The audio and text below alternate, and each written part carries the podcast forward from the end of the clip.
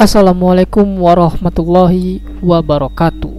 Halo warga sekolah Kembali lagi dengan Capsek Sekolah Horor. Apa kabar kalian semua? Semoga baik-baik saja. Sebelumnya Capsek ingin meminta maaf karena sempat cuti dan tidak bisa mengupload video kembali.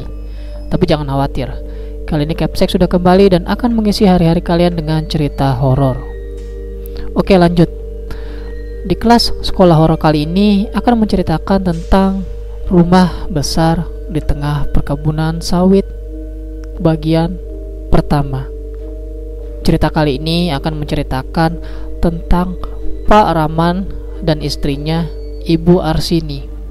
Sekali lagi ya, Pak Raman dan istrinya Ibu Arsini serta anak mereka yang harus menempati rumah tua di perkebunan sawit. Mulai dari kenapa mereka harus pindah, ada apa di rumah besar itu, well, semuanya akan Capsek ceritakan di sini. Cerita ini bersumber dari akun Twitter at acep underscore sayap 88. Sebelum kalian mendengarkan cerita ini, Capsek akan berterima kasih untuk like, share, dan komen kalian di video ini.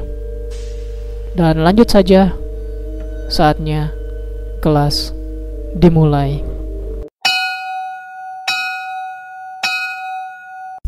Di suatu pagi menjelang siang, di jalan desa itu terlihat beberapa orang warga sedang berjalan terburu-buru menuju ke arah selatan. Terkadang para warga tersebut menemui warga lain yang ditemuinya, kemudian membicarakan sesuatu yang tampaknya penting sekali. Ayo kita labrak. Begitu kata-kata yang terdengar dari warga yang menemui warga lain yang ditemuinya. Siapa sebenarnya yang akan mereka labrak? Jumlah mereka semakin banyak saja, mulai dari bapak-bapak, ibu-ibu, bahkan para lansia. Mereka bersama menuju ke arah selatan. Rombongan warga tersebut baru berhenti tepat di depan sebuah rumah mewah bertingkat dua bercat putih lengkap dengan tembok yang tinggi. Rumah tersebut sangat terlihat kontras jika dibandingkan dengan rumah-rumah warga lainnya yang hanya berupa panggung maupun rumah setengah badan. Pak Raman, buar sini. Keluar kalian dan tinggalkan desa ini. Dasar penyembah setan. Teriak salah seorang warga yang berada di posisi paling depan. Betul. Kalian telah membuat desa ini dihujani malapetaka. Itu karena kalian menjadi kaya dengan cara menyembah setan. Harta kalian telah membuat banyak nyawa warga desa ini melayang. Para setan banyak membunuh warga ini. Semua karena kalian. Teriak yang lainnya dengan lantang. Sahut yang lain pun dengan lantang sambil mengacung-acungkan tangan yang menggenggam senjata maupun sekedar pentungan kayu. Sementara di dalam rumah, para penghuni terlihat sangat panik. Mereka tidak berani untuk menghadapi para warga yang sedang kalap tersebut. Pak, temui mereka dong. Tenangin mereka. Bilang saja kita tidak bersalah, Pak. Ujar ibu di rumah tersebut, yaitu Bu Arsini. Pak Rahman menggeleng mereka marah bukan tanpa alasan, mah. Mama sudah keterlaluan karena berani melakukan persekutuan dengan setan. Sekarang lihat kan akibatnya. Katanya dengan tajam. Loh, kok malah jadi nyalain mama sih? Ini semua juga gara-gara papa yang tidak mampu memberikan rumah mewah dan mobil untuk mama dan anak-anak. Kalau papa bisa memberikan semua apa yang mama mau, untuk mama tidak akan meminta tolong pada Wawagor. Sentak Bu Arsini tidak kalah sengit. Paraman mengusap wajah. Ia merasa frustasi. Mama mikirnya harta melulu, harta melulu. Sebelum ini kan kita juga sudah hidup berkecukupan. Mama saja yang tidak tahu bersyukur. Balasnya sambil menengok ke arah pintu menuju tangga turun. Bu Arsini semakin naik darah setelah mendengar Paraman membalas kata-katanya dengan nada yang seolah memojokkannya. Bersyukur. Apa itu? Bersyukur? Apa tidak mau berusaha? Papa ini memang biasanya menceramahi macam orang suci saja. Anak istri ingin rumah mewah, mobil mewah, tidak terpenuhi. Itu namanya tidak becus. Suami tidak bertanggung jawab. Balas Bu Arsini semakin memanas. Paraman menepuk jidat. Ia memang tidak pernah menang jika beradu omongan dengan istrinya tersebut. Apalagi ia sadar jika rumah mewah serta mobil-mobil yang terparkir di halaman adalah hasil jeripaya istrinya. Hasil yang didapatkannya dari mengabdi kepada setan. Paraman, keluarlah atau kami akan mengobrak-abrik rumahmu. Terdengar lagi teriakan warga dari luar rumah diiringi suara riuh warga lainnya. Paraman, cepat keluar pak. Ini saya Samsudin, jangan khawatir terdengar suara yang sangat damai, lebih santai, dan pertanda datang dengan damai. Pak Rahman tidak perlu takut. Saya akan memediasi antara warga dan bapak dan keluarga. Tidak akan ada tindak kekerasan, saya pastikan itu, Pak. Lanjut, laki-laki yang mengenakan seragam PNS itu. Pak Kades. Gumam Pak Rahman saat mengetahui siapa orang tersebut. Sementara Bu Arsini segera meminta suaminya segera turun menemui Pak Samsudin, kepala desa tersebut. Ah, cepat temuin Pak Kades, Pak. Dia pasti akan menolong kita dan mengusir para warga, kata Bu Arsini. Tanpa menyahut, Pak Rahman keluar dari ruangan itu. Tentunya ia terlebih dahulu membuka kunci pintu sebelum keluar. Saat menuju tangga, anak-anak berhamburan ke arahnya dua gadis berusia 15 dan 10 tahun mencegat bapaknya sembari berkata-kata dengan panik. Papa, mereka sedang apa di luar? Kenapa berteriak-teriak memanggil bapak dan ibu? Mereka mau mengusir kita ya pak dari desa? Tanya Indira, putri tertua Pak Roman dan Bu Arsini. Papa, Rana takut kalau kita benar-benar diusir sama mereka. Kenapa mereka jahat sekali sih, Pak? Putri kedua Pak Rahman pun turut berbicara. Pak Rahman tampak gelagapan saat diberondong pertanyaan oleh dua putrinya. Ia bingung harus menjawab apa. Um, Pak Rahman mendengar tangisan putri ketiganya di kamar di lantai bawah. Kakak, semadik, tolong tenangin dulu dedenya ya. Ibu kalian sebentar lagi turun kok.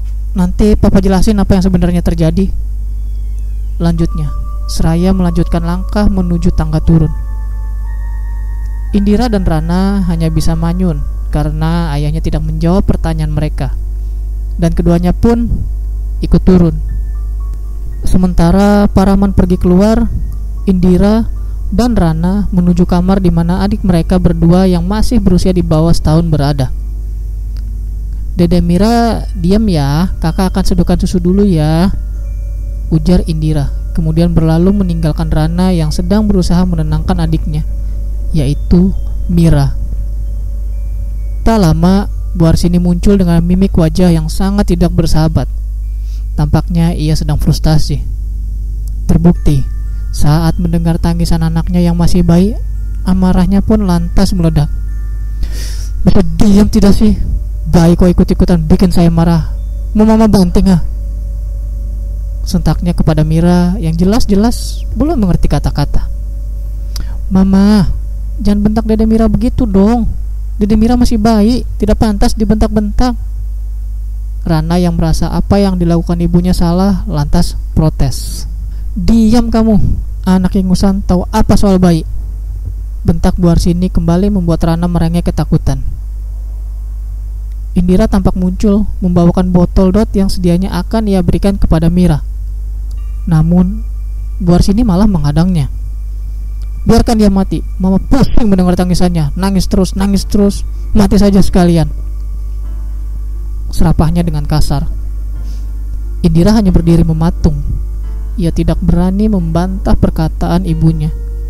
Namun, Hatinya merasa berat untuk meninggalkan Mira yang kelaparan karena dibiarkan telantar oleh orang yang seharusnya menyayanginya. Hingga tangisan Mira pun semakin keras saja. Bu Arsini yang sedang kalap melayangkan tamparannya ke arah putrinya yang masih bayi itu. Hentikan itu mah, apa-apaan ini mau membunuh anak kita? Benar-benar keterlaluan. Pak Rahman muncul kemudian menangkap tangan Bu Arsini. Mulai sekarang kita tinggalkan rumah ini. Hanya kita berempat. Mira akan papa titipkan ke Pak Kades ini mendadak papa lakukan setelah melihat mama hendak memukulnya. Ingat, tak ada yang protes. Ayo kita pergi. Lanjutnya Seraya menyeret Bu Arsini. Papa, Mama, kalian mau ke mana? Indira dan Rana serentak menyusul kedua orang tuanya semanggil memanggil-manggil. Hari itu juga, setelah Pak Rahman menemui Pak Samsudin, disepakatilah bahwa Pak Rahman dan keluarganya harus meninggalkan desa. Namun, Opsi menitipkan Mira kepada Pak Kabdes merupakan opsi dadakan akibat Bu Arsini tertangkap basah hendak menganiaya putrinya tersebut. Dengan demikian, pergilah Pak Rahman bersama Bu Arsini, Indira, dan Rana dengan menaiki sebuah van berwarna biru, meninggalkan desa dan juga putri bungsunya. Tujuan Pak Rahman tidak lain tidak bukan adalah suatu wilayah yang jauh dari orang banyak. Sementara Pak Samsudin bersama warga memasuki area rumah Paraman untuk mencari keberadaan Mira. Suara tangis bayi tersebut terdengar menyayat hati. Siapa yang tak pilu mendengarnya? Di dalam rumah itu, Pak Samsudin bersama sebagian warga memeriksa rumah tersebut. Kemudian terpaku saat mendengar suara kretek-kretek dari dinding rumah tersebut. Kenapa dindingnya bunyi gini ya, Pak? ujar salah seorang warga seraya celingukan. Tak lama kemudian mereka menyaksikan salah satu bidang dinding mereka dan cepat menyerpikan pasir bercampur semen. Oh, tidak. Rumah ini akan segera runtuh. Kita harus segera menemukan bayi itu, Pak. Ucap Pak Samsudin seraya berlari ke arah sumber suara tangisan Mira. Setelah menemukan Mira di salah satu kamar di lantai bawah, Pak Samsudin bersama para warga segera keluar dari rumah Pak Raman. Suara kereta-kereta tembok rumah Pak Raman semakin keras, terdengar bahkan sampai ramai, menandakan seluruh tembok akan segera runtuh. Apa yang terjadi dengan rumah ini? Kenapa bisa begini? Ucap seorang warga yang merasa kaget melihat kejadian tersebut. Kereta-kereta Tembok rumah Paraman kemudian disusul dengan runtuhnya salah satu bidang tembok yang selanjutnya tembok lain menyusul. Tiang penyangga yang terhubung dengan fondasi juga turut runtuh menyisakan tulang-tulang besi yang melengkung bahkan patah. Hanya dalam hitungan menit, rumah mewah bertingkat itu hancur, tinggal reruntuhan rata dengan tanah. Semua orang yang menyaksikan kejadian itu merasa sangat kaget mereka berulang-ulang mengucap istighfar. Rumah dari hasil bersekutu dengan iblis, nasib akhirnya ternyata begini, hancur dalam sekejap. Ucap warga lainnya. Sebaiknya bapak-bapak dan ibu-ibu kembali ke rumah masing-masing. Kejadian ini penting untuk kita jadikan pelajaran. Mari kita pulang. Ujar Pak Samsudin dengan lantang. Sementara bayi Mira tengah digendong seorang wanita setengah baya yang merupakan salah seorang warga yang turut serta melabrak keluarga Pak Rahman. Setelah Pak Samsudin selesai mengimbau warga, seluruh warga yang ada di sana pun pulang meninggalkan reruntuhan rumah Pak Rahman, sembari membawa banyak sekali pertanyaan di benak. Sementara itu, Pak Rahman kemudian mengemudikan vannya melewati jalur berkelok-kelok dan menanjak di tengah hutan lebat. Semakin jauh melaju, van yang dikemudikannya pun mencapai suatu perkebunan sawit. Perkebunan sawit tersebut tampaknya perbatasan langsung dengan hutan belantara, serta tidak terlihat adanya pemukiman di sekitar perkebunan tersebut. Memasuki perkebunan sawit, Pak Rahman membelokkan mobilnya ke arah kanan tepat ke jalur yang hanya dapat dilalui satu mobil. Awalnya, jalur tersebut beraspal mulus. Namun semakin ke dalam, jalurnya semakin rusak. Hal itu membuat gusar Bu Arsini dan kedua putrinya. Kita sebenarnya mau ke mana sih, Pak? Kok Papa menyeternya melewati jalan kayak begini sih? Bu Arsini bertanya dengan gusar. Ke rumah baru, mah. Sesampainya di sana, Papa akan menceritakan semuanya kepada Mama. Rumah baru di tengah perkebunan sawit kayak gini, Pak? Bu Arsini penasaran. Nanti mama akan tahu setelah sampai di sana. Kita baru setengah jalan. Mungkin maghrib kita baru sampai. Tugas Pak Raman membuat bor sini Indira dan Rana terkesiap. Berarti jauh banget dong pak. Bagaimana kalau bensinnya tidak cukup? Indira berkata dengan nada khawatir. Tenang saja, kakak tidak perlu khawatir. Kita tidak akan kehabisan bensin sampai tiba di sana. Tugas Pak Raman yakin. Pak, Rana jadi kepikiran Mira, kasihan dia kita tinggalkan sendirian di rumah. Kata Rana membuat Paraman mengurut dada. Perasaannya seperti diaduk-aduk. Ia merasa menyesal karena memutuskan untuk meninggalkan Mira di desa dan menitipkannya pada orang lain. Meski demikian, ia yakin bahwa itu harus dilakukannya demi keselamatan putri bungsunya tersebut. Entah karena apa, ia berfirasat jika mengungsi ke rumah di daerah terpencil yang saat ini sedang ditujunya akan menjadi akhir dari keluarganya. Namun ia memilih tidak mempercayai firasat itu. Baginya yang terpenting adalah menjauhkan istrinya dari keramaian agar tidak ada lagi korban berjatuhan. Meskipun nyawanya bahkan kedua putrinya menjadi taruhannya. Awas pak Teriak Indira dan Rana membuat lamunan Pak Rahman buyar. Ia tersentak kaget lantas menginjak pedal rem. Ia melotot ke arah depan mobil di mana terdapat sebuah cekungan berdiameter 3 meter berisi kubangan berlumpur. Hal yang membuat Pak Rahman melotot adalah dengan adanya seonggok tulang belulang manusia dalam kondisi terikat di sebatang pohon mati di pinggir cekungan itu. Astaga, Papa salah jalan. Seharusnya kita tidak kemari. Papa akan memutar balik. Seharusnya tadi belok kanan. Kata Paraman setengah bergumam seraya mengundurkan mobilnya untuk memutar balik. Selanjutnya, mobil pun meninggalkan cekungan berisi lumpur tersebut. Memangnya tadi itu tempat apa sih, Pak? Kok ada kerangka yang ada di ruang lab sekolah Rana? Tanya Rana merasa penasaran. Paraman menghela nafas. Itu hanya bekas anak-anak bermain. Kerangka itu juga memang asalnya dari lab sekolahan yang dibawa ke sana. Tugasnya berbohong. Buat apa pak anak-anak membawa kerangka itu ke sana pak? Seperti tidak ada mainan lain saja. Kata Rana kembali bertanya. Rana, kamu sebaiknya diam ya, jangan banyak bicara. Kamu seharusnya tahu kita sedang berada di mana. Sentak buar sini membuat Rana merungkut ketakutan. Tidak perlu kasar begitu sama Rana mah. Rana masih muda, ingin banyak tahu. Timpal Paraman membela putri keduanya itu. Banyak ingin tahu boleh, tapi harus tahu tempat dong. Buar sini mengelak. Kau memang bukan pengayom yang baik buat anak-anak. Ucap Paraman sembari fokus menyetir. Benar apa yang telah dikatakan oleh Paraman saat maghrib tiba, mereka pun tiba di depan sebuah rumah tua yang cukup besar. Rumah tersebut bergaya Eropa, lengkap dengan ornamen-ornamen khasnya. Rumah itu bercat kuning dan telah pudar, serta beberapa bagian telah berlumut. Rumah ini tidak seutuhnya dikelilingi pepohonan sawit. Ada beberapa batang yang tidak terlalu tinggi di sekitar rumah tersebut. Jalan yang hanya muat satu mobil di depan rumah pun kondisinya sudah sangat rusak. Bahkan jika dilihat-lihat, awalnya jalan tersebut dulunya hanya di batu saja, kemudian rusak seiring waktu berjalan.